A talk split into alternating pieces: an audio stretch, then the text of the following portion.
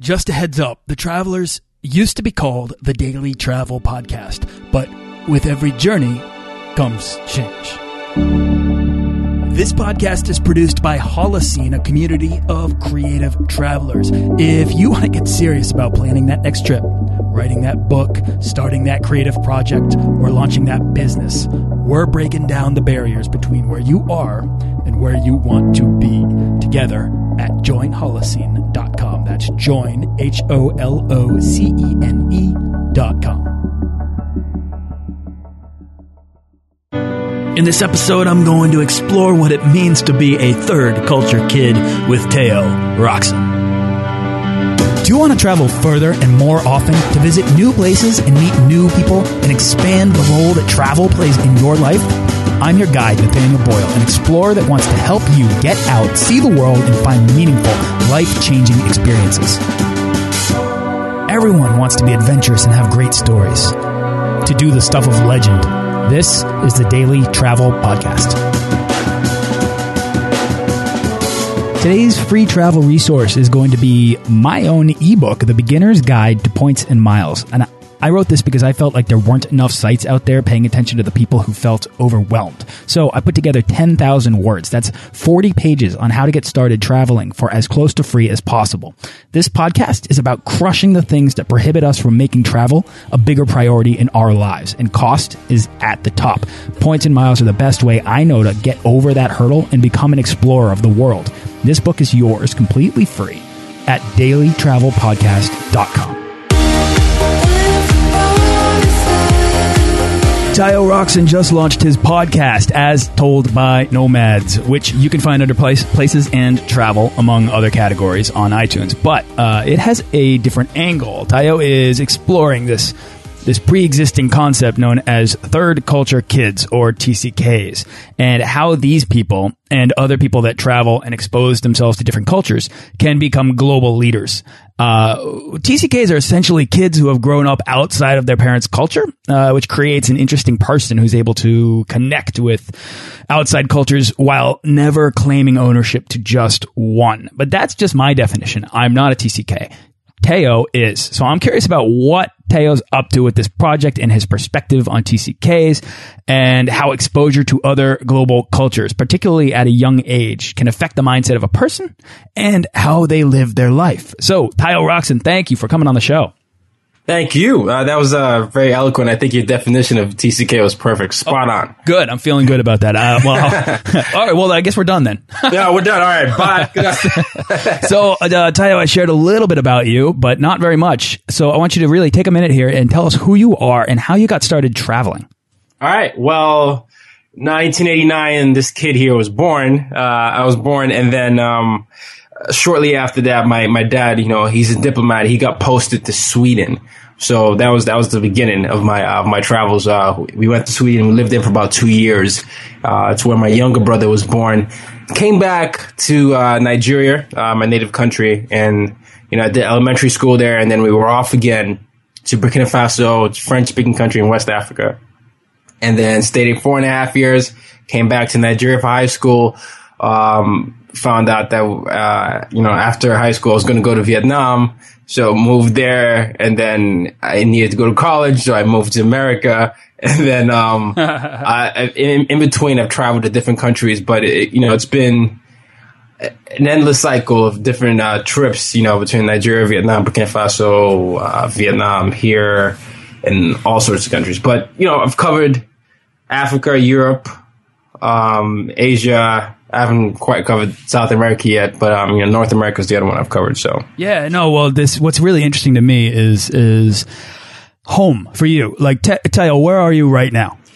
New York City. New York City, amazing yeah. place to be. Yeah. Uh, do you identify New York City as home? No, no, I actually don't. Um, to me, for me, home is is a fluid concept, right? So. Mm-hmm uh, I've spent about half of my life in Nigeria, so uh, you know I tend to say I'm Nigerian, I, and I am. It's the only passport I have. But you know, I feel at home in New York. I feel at home wherever I am, uh, just because over my travels I've become uh, adaptable. You know, I've, I've built this uh, skill to be able to adapt myself to the environment I'm around. So Uh, one of the people I interviewed on my show says home is where her suitcase is. Uh, I would say something similar. You know, home is anywhere I can find, um, you know, some sort of bed. Yeah. Uh, and then I'm good. Here's a Yeah. here's a question because w- w- going through your travel background, I mean, I, I counted at, at least four languages in there that you probably picked up to some degree. Yeah. uh, English from Nigeria, I would have to guess. I know there are other languages sp- spoken Yeah. there, but English is the official language, right? That's correct. That's correct. Uh, okay, and then Swedish, which for two years I imagine you probably picked up a little Swedish. yeah, I did, and I uh, forgot those. Easy to do because Yeah. you probably don't apply it very often when you're not Yeah. in Sweden. I did, yeah, but I did, and it's also when I was really, really young. Um, but you know, the were phrases that, that I picked up. Uh, my mom and dad will often joke about the, some of the things I used to say, uh, cause I was, I was still learning English then, you know, I was really, really young. Yeah. And then, you know, you had a, a lot of Swedish uh, people around there. But the thing about Sweden is you have English, people, people speaking English there as well. Yeah. So it's, yeah, one of those. But yeah, French was the, is the one that, that really stuck though out of other countries. Uh, I picked that up in Burkina Faso. I never wanted to lose it. So I, um, I studied it. I was a minor in, um, university and when I was in Virginia and, uh, I, I still use it once in a while. Um, so I don't lose it. Yeah, absolutely. Were you able to use it at all in Vietnam? Vietnam, no. I- Vietnam was it was interesting. Kinda long 'cause- shot. Yeah, it, but it's not odd. You you can find French people in Vietnam because Yeah. they had they had uh, French uh, influence there. But then in Vietnam, um, I think we were trying to learn Vietnamese, and I was also in the middle of going to, to college. So I, I was, you know, I'll I'll do a little sign like it was very interesting because this is how we interacted.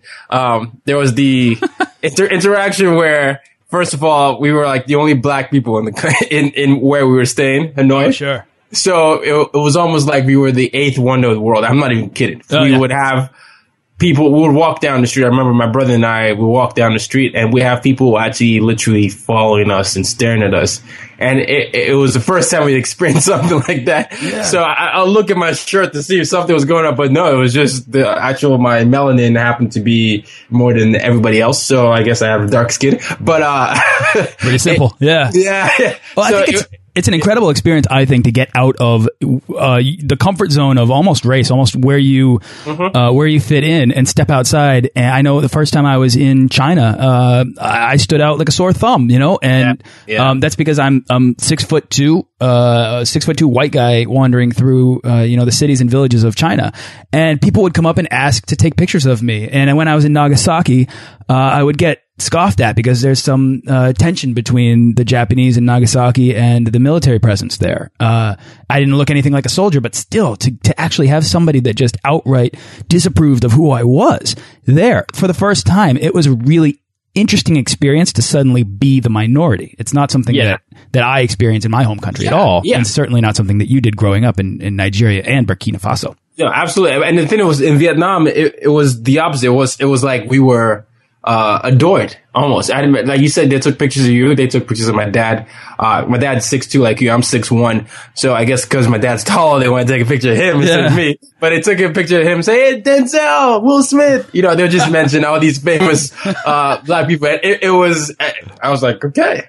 You know, I didn't know, but the people there are really nice. Um, and they spoke a mix of Vietnamese and English and sometimes French, but it was it was an interesting mix of sign language and mumble jumble of different languages. So Sure. that was that was Vietnam. So you mentioned your father was a diplomat, and I'm just curious what his uh, what his role was, and, and what sort of when you touched down in these places and you lived in these places. I assume you guys set up homes uh, and you were going to school. Is that is that right? Yes, yes. So uh, yeah, the life of a diplomat is he's still a diplomat. He's on his last mission, I believe, right now. Um, just so happens to be here uh, in uh, Washington D.C., close by. But um, as a diplomat, you know, you have several missions. He's worked in the immigrations, and I think now he's doing something with finance and international trade. But what happens with the kids is that you get placed in international schools. And that in itself is it's one culture shock. Uh, at least for me, it certainly was, uh, because then you're you're with all sorts of people. You're with uh, Japanese, Europeans, uh, Italians, whatever, and other Africans, and then you're all part of a school. So it's like a United Nations almost, uh, so to speak. If you get posted to like in America, United States or England, it might be a little different. So you could go to public school there. Um, my youngest brother is going to public school, but when he was in Vietnam, he went to an international school. So it just sort of depends on the area you are, you know. Yeah, right on. Uh, mm-hmm. all right. So growing up at TCK, at least, I mean, at what point did you kind of recognize that you were, in fact, a third culture kid? Was that something that you were kind of, kind of aware of or something that you became aware of as you got older? Uh, well, I became aware. Nathaniel, I'll tell you, middle school was very uh, interesting for me. Uh, it was, um, I had obviously traveled. Right? Yeah. When, where were you for middle school? I was in Burkina Faso. Okay. So I'd obviously traveled to Sweden before, but I was too little to really recognize the cultural differences. But when I went there as a 10 year old, it was so, um, revealing. And, you know, I had a, a stronger Nigerian accent. Um, I only knew how to play soccer or football. Well, soccer. Wait, I don't know. Soccer. One of those. Perfect See, example. Yeah. Exactly. I'm struggling with uh, what to call it. Perfect example um, of, of TCK problems. Exactly. So I hashtag TCK problems. Hashtag. Exactly. So I only knew how to play that, and then I, it was struggle fitting in. So because I, I, here I was, I sounded different. Everybody sounded that, and everybody knew all sorts of sports. So what I did was I studied uh, uh, sports. I because I, I, love sports. I said, you know what? I want to pick up sports. I'm going to make friends. So I I would. This is very unorthodox. So I would go to the library and and back and check out this leather bound books of, on basketball, the history of basketball, how to do a crossover I'd read that, come back the next day, do the same thing for other books, and then um, I would also check out magazines so I could stay up to date with who was the coolest player. And then um, I did that for basketball and tennis. So when I finally felt good enough to know the fundamentals, I asked the best basketball player on a, on a, you know in school to teach me yeah, yeah, I know to teach me. So the one on one slowly grew to, uh, you know, two on twos and three on three and five on fives. And that way I started, you know, gain friends. Um, I, I didn't feel as alone anymore. And then the PE physical education was structured that we had to learn different sports at different periods. So I started to get more adept, uh, um, all sorts of sports. So sports really uh, allowed me to make friends, and then I was really good with geography. Um, so that also helped me because I would say, "Hey, you're from this part, right?" And then they'd be like, "Yo, how do you know the capital? You're so cool. Come join and sit with us." so geography helped, and then uh, pop culture. That was the third thing. Um, I, I, tend to, you know, follow, you know, the newest movies, music, and all that stuff. So, uh, you know, that gradually initiated uh, initiating me into people people's crowds. But it, it, was rough initially, but I had to sort of come up with my own coping mechanism, and those were the three ways I did. You know, two things pop out to me in this in what you just said. That the the first is that knowledge, just having knowledge, general knowledge about about a, a wide variety of topics, allows you to better connect with people uh, uh, that are different from you, right? right. So if if you uh, you might I mean this is this is true everywhere. You can bring a guitar. I know I did this. Brought, brought a guitar to Bali and New Zealand and Malaysia and and uh, immediately, you know, Fiji immediately made friends with the people there because we could trade off playing songs and, and showing each other our, our cultures or even identify over the same songs. And, oh, you know the song? Oh, I know the song. Wait, we're from completely different worlds. Exactly. And to me, that's, it, that's amazing. So if you can do that with you know, pop culture, with sports and all of this. And that the other thing that I want to pull out here about what you're saying is sports. Now, I never had a perspective on the value of sports. It was always kind of an entertainment vehicle for me until I went to South Africa and I realized how fragmented and splintered that culture is, how drastically different all the people are in in the one country of South Africa. Yeah. And yet all of them, even when they can't agree over politics, they can't agree over territory, they can't agree over uh, even even uh, racial issues that are left over from apartheid. Still, all of them are Springbok fans, and they yep. all wear green.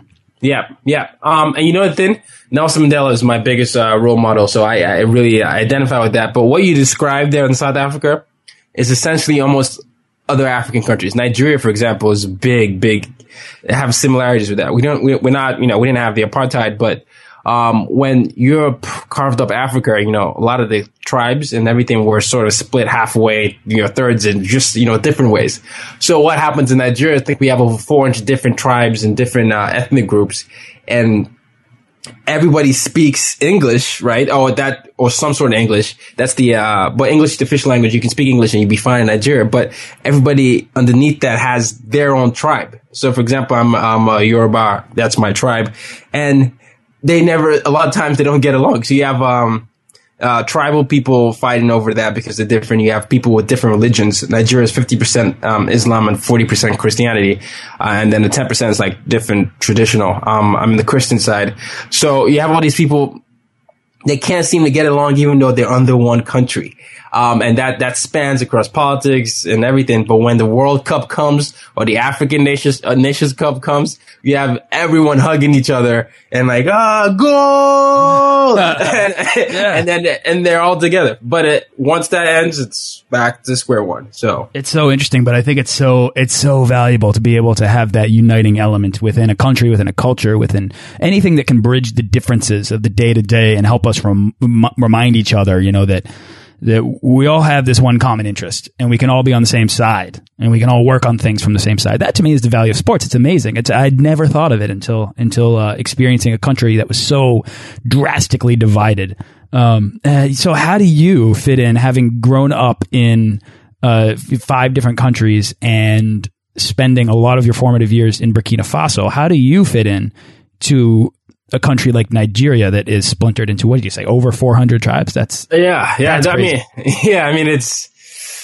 Whew, I mean, it, it's crazy because you know when I came back to Nigeria, uh, you know, I just come from culture shock. Now I was experiencing reverse culture shock, uh, and it was it was in high school and it was during puberty, so you can you know you can sort of do the math there. It's like, uh, yeah, I'm growing tall, I'm getting facial hair, and I'm not considered Nigerian enough. So, um, you know that's interesting. Actually, let me ask you about that. What does that mean? Can you kind of can you, do you is there a story there, or do you have an, uh, Yeah, an yeah. experience to draw on? Certainly, certainly. So I came back.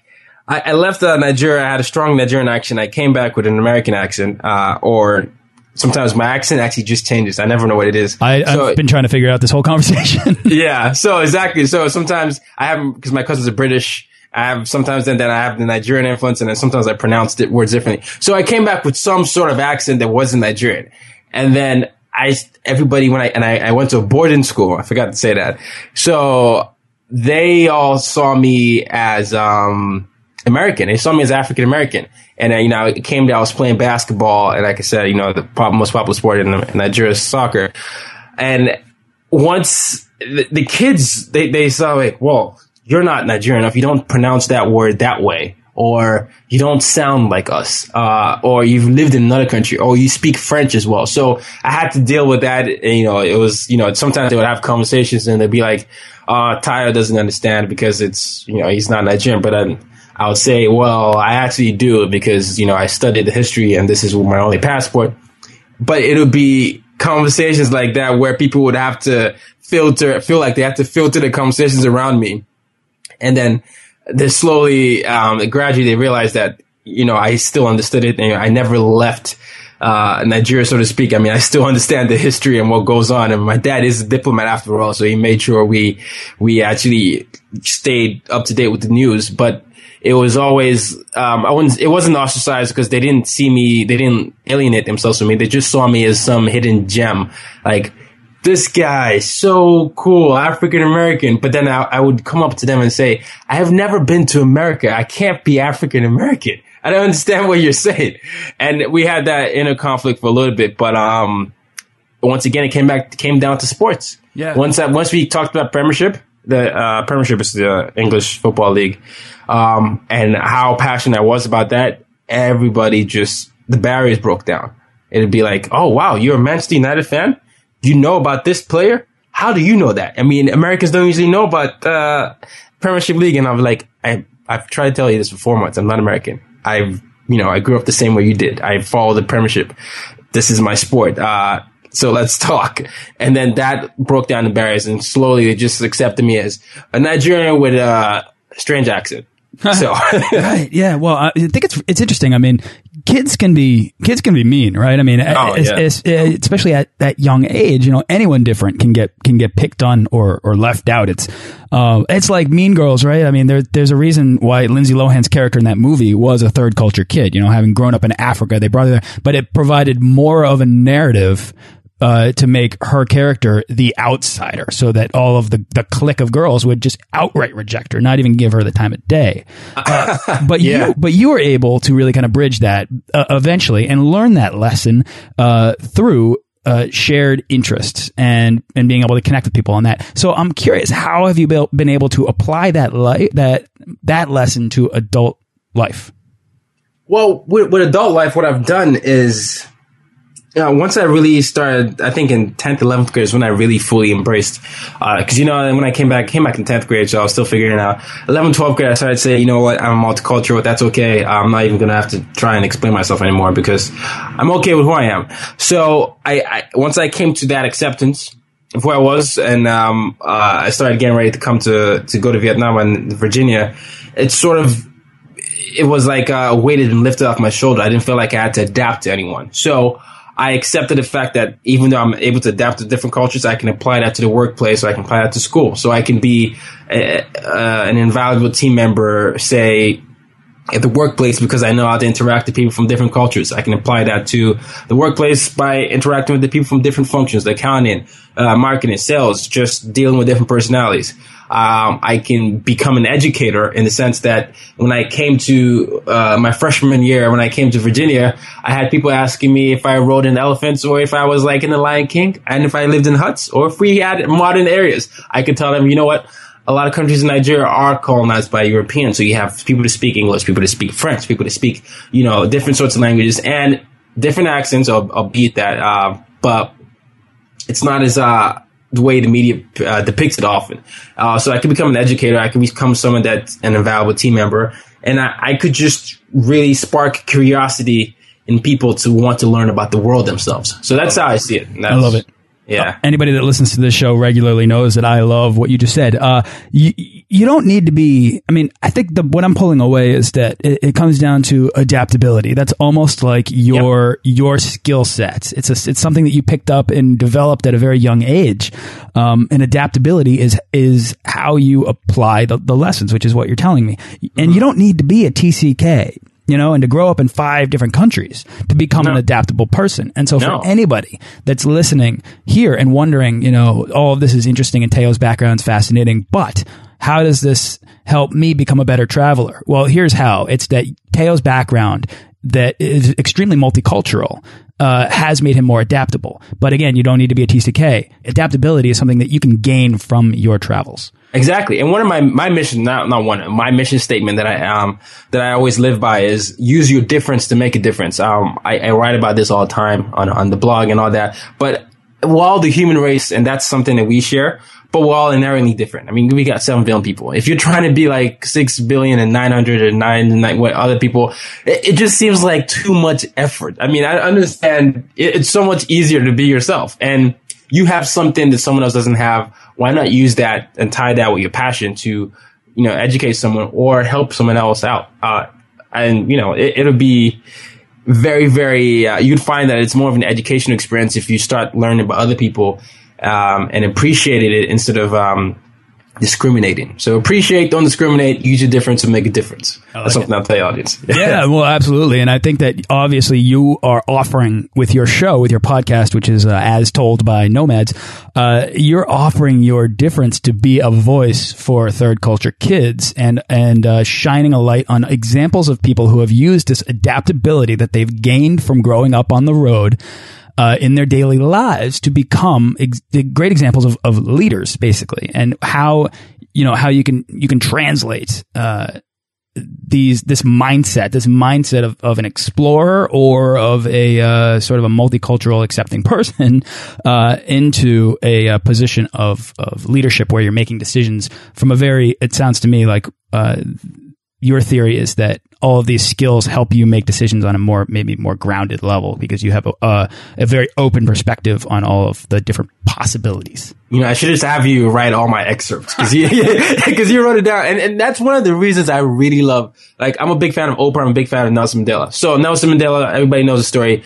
He's he went to prison for longer than I've been alive on the earth, 27 years, and um in it, you, I mean, you just, I just always try to think of it. If someone's been in prison that long and you come out and you're supposed to lead a country full of different cultures, right? People, uh, where white minority was usually in government. Now you have to come and bring that together, able to see past that and bridge gaps and understand that there's one goal, you know, advancement of your country in the world. Uh, you, you know, you can come that Oprah, she started off, you know, I mean, she, you know, she started off with the TV talk show and then she brought her own unique brand, right? She was all about the personal development, how to make you, you. Before that talk show wasn't like that. You know, it was more, you know, it was more the different types of, almost like a tabloid sort of thing. But then Oprah really dove into the human spirit and how you can advance that, how you can be a better you.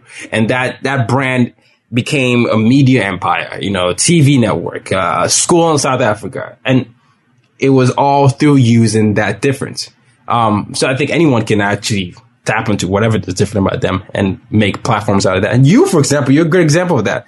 Uh, you built this wonderful podcast. You're educating people in the world. You have many products and services that come out of that. And it's, you know, it's you being uh, as mobile as you you are. Yeah, thank you. I mean, when I started the show, what it was was a uh, a podcast about. It was going to be a podcast about travel hacking. Really, I was going to talk about points, miles, that kind of thing, because it's something that I do. It's something that I'm very knowledgeable in and I have skills around. But as I started to bring people on and I'd explore their backgrounds and their relationship to travel and their differences, uh, I realized that there there were so much more amazing human interest stories from my guests and I couldn't deny those because honestly the lesson to be taken was more important than saving money. It was exactly what you said. How how you can be a better you and I could see how that becomes undeniable for someone like Oprah or anyone really you you know your show uh, where you have these these fascinating people on and you get to ask them these questions and you get to get down to the the root of why travel matters, both to the individual and a greater picture of society, right? And so I know that's what you're up to. You want to you want to um, almost champion this idea of uh, uh, of adaptability and helping people to kind of cultivate these skills, and I do too. I want I would love for people, uh, our society, or even the global society, to travel more often because I think it leads to uh, a greater uh, force of imagination from all these different these different cultures. And I, and to me, there's nothing but, uh, there's nothing but benefit. And, uh, like you said, man, it helps to bridge the gaps between cultures and doing so declines violence, uh, improves innovation and progress. And, you know, I mean, I could keep going, but I love it. These are big picture things. And it's cool that you're, you're taking a show that's tackling these, these right. items. I'm just following your leads there. well, on, on, onward we go, man. I'm, I'm excited. So, so man, all right. So, uh, we're starting to run out of time, but uh, I'm wondering if you want to go through the uh, travel advice lightning round. Sure, sure. Right. Let's do it. Cool, man. This is the part of the show where we boil down the how and the why of travel into pragmatic advice. So, I'm going to give you a series of questions, and you'll give me your best travel tips. Sound good? Sound great. Awesome. All right. So for a lot of people, taking that first step out the door can be the hardest part of travel. What's your advice, Tayo, for anyone dreaming to take the first step to becoming a world traveler? The first step I would say is uh, look at what Nike says. Just do it. All right. Um, book that travel, book that ticket, go uh, click it online, however you do it, travel agent, and just do it. Um, stop thinking about it. You ha- you would never know how it is until you do it. Uh, this happens with a lot of things in life, but once you book that flight and you're on that plane and you land, everything really starts to happen from there. Yeah, absolutely. But you, you, you jump in and then you learn to swim. Right. Uh, Tayo, the biggest hurdle for most people who want to travel more is cost. Uh, do you have a secret money saving tip or travel hack? Whew. Oh, wow. I mean, the good thing now is, you know, you have sites like Expedia and, um, you know, all these similar sites where they, you can rack up points. But even with traveling, uh, you can find different ways. There, there. Sometimes this might be quote unquote ghetto, but sometimes I've, I've traveled longer than longer than I need to be to get to a certain location because it was cheaper. Well, you can always find that through different sites. Uh, but I, I, would say try and get on as many of those points things, point systems as you can because they definitely save a lot of money. Uh, you can definitely speak to that more than I can, but it's it's you know it's travel hacking it's building up miles and the miles do pay off. Yeah, I mean, I don't know if you ever had this experience, Tayo, but growing up traveling so often and whether or not your parents got you a frequent flyer mile account on whatever airlines you were flying or uh, or if you did it later on. But I, I got into travel hacking because all of a sudden I needed to book a honeymoon, right? And I was like, well, I guess we'll go to Greece. Um, you know, how should we get there? And then I started looking and I was like, wait, I've had this credit card that I opened in high school and I've been building points on it, haven't I? Maybe I should look in. And I was like, oh my God, I have like 100,000 points or something crazy like that. And I was like, I can suddenly book our flights on these.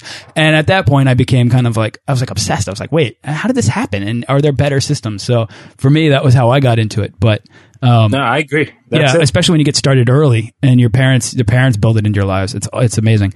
Uh, Tayo, packing is easily my least favorite part of travel. Do you have any advice to help people pack better?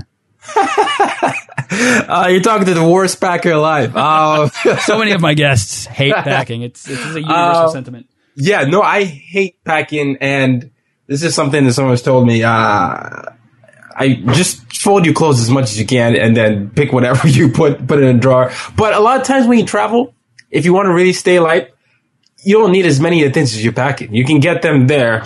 Uh, wherever you go, and that would make your packing life so much easier. I don't think I'm offering any advice there because I'm a horrible packer. I still need that advice too. But um, uh, start early. There you go. That's what I'll say. Start early. If you know you're gonna travel in next week, start that day that you booked that flight. Uh, it'll be so much easier uh, than uh, last minute. Yeah, you're less likely to forget anything if you start early. Good advice. Yeah. Do you have a favorite internet travel tool or resource that you use?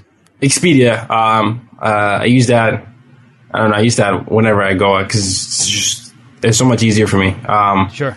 uh, hotels, uh, flights, any of that. Uh, and then they have like um, location. They tell you some of the cool things that are going on, and then whatever points you build on that, you can use that to maybe go to a concert or go to something there. So I would say Expedia. Sure. And uh, Tayo, I would recommend taking your Expedia experience and pairing it with low cost airlines that uh, fly from destination to destination within the continent that you're going. So, for example, if you want to fly from New York to Nigeria, maybe flights are cheaper to Morocco, and then there's a low cost African airline that you can check to fly you the, the next leg of the way. Um, and I find that that's a good way to use these flight aggregators like Expedia. Um, cool. Uh, do you have a favorite piece of travel gear that you take everywhere you go? Noise canceling headphones. um, yeah, these uh, help me. I, well, I remember when I was traveling to, from Nigeria, and whenever I was doing the Vietnam trip, it was always long either way. Whether it's Nigeria to Vietnam or Virginia to Vietnam, it's about you know twenty some twenty plus hours and change when you count all the hours. So you just sit there, and a lot of times you know you have all many distractions on the plane for that long. Uh, so I put the noise canceling headphones in if I was watching something, if I wanted to sleep, and um, I was easily taken away from all the distractions. I love it. Do you have a what? What kind of noise canceling headphones do you use? I, I think I, I switched. I use Beats, for example, Beats or Bose. Uh, those are the two common ones, I think. Yeah, both good, Yeah. both great brands. Um, Uh, all right, Tayo. Last question of the round. What is the weirdest thing you've ever eaten? wow, weirdest thing. Um, I'm very adventurous when I eat, so I, I don't know if it's, it's considered weird. But uh, there was a fruit. I can't remember which was country. It had like a lot of hair in it, um, and uh, oh gosh, I don't know what it's called. But I once you put it in your mouth, it didn't feel like the texture, like the way it looked like. It was felt almost harder than it's supposed to feel. Uh, yeah, but I, I think I yeah, yeah I mean, fruit. The only hairy fruit I can think of is a kiwi. Oh well, no, this is this is different. I mean, like, it was like a porcupine. That's essentially what it was. Oh, but uh, yeah, I put it in my mouth and, and it, it was um it was it was interesting. Uh, I don't think I'll do it again. But um, Like, was it a dragon fruit? no, I, I don't. Interesting. Yeah, I have to look up the name. I, I I didn't even know. I remember I Wikipedia'd it and it was something I couldn't pronounce. Some mystery fruit that we will link to in the show Yeah, but uh, besides that, no, I eat a lot of uh food that I probably shouldn't. But I um. I I don't know. I am an adventurous eater. I think food is one of the great ways to connect people. Oh yeah, absolutely. It's the it's the thing that most people are most excited to share about their Yeah. own culture. Exactly. Yeah. Tayo, uh, is there anything else that you'd like to share before we begin to wrap up here? I'd say, you know, like uh, Nathaniel always says, you travel to expand your imagination, travel to, you know, to discover yourself. Um, and don't be afraid of change, uh, because I, I find a lot of the causes of, of the problems we have in the world, uh, whether it's Boko Haram back home where I'm from, uh, Nigeria, you know, religious stripes or ISIS now. And, you know, it's, it's all people are afraid of change. Uh, and if you start adopting your mindset and being more embracing of that, I think a lot, the world will be a better place. And I just want to thank you. Oh, you're That's welcome. Thank you Yeah. for taking your time to come on. It's been fun. I, I, I like talking with you. Thank you for having me on your show as well. I'm looking forward to that. It was a lot of fun just chatting with you about these these conf- these concepts that we both have a mutual appreciation to explore. Uh, Tayo, what's exciting you the most right now? Where's your next trip, or what's your next project?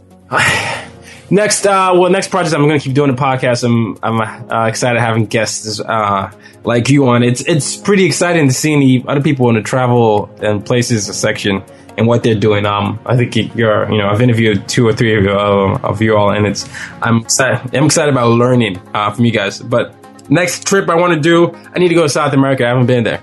Uh, so Brazil might be the first place. I don't know when yet, but That's great. I haven't either. Yeah, it's, yeah. it's a continent that's been calling me for way too long, and I, Yeah. I, am just excited to go. Um, awesome. So, uh, Tayo, where can people go to find out more about you and your show? At Tayo Rockson on Twitter, T A Y O R O C K S O N. Um, you can go to tayorockson.com slash podcasts to see the links to the podcast, and, or you could just do a search of As Told by Nomads. Um, you can find that in, on iTunes, Stitcher. And uh, yeah, I'm on Twitter at tayorockson, on the website at tayorockson.com, and I'm usually very responsive. I love it. Tayo, uh, thank you for taking your time to be here. Thanks for sharing with us your personal background, your story, your relationship to travel. Um, and again, uh, with your show, man, you are offering a voice uh, for third culture kids trying to find their place in the world and shining a light on the potential for leadership. And I think that that is a very hopeful thing. It's a noble goal, and I, I super encourage you to just keep going with that because I love it. I love it. Thank you very much. I really appreciate it. Thanks for listening to this episode of the Daily Travel Podcast. For show notes and links to everything in this episode and more, head on over to dailytravelpodcast.com. Join our Facebook page of explorers and subscribe to our newsletter for the best deals and resources to help make your next trip life changing.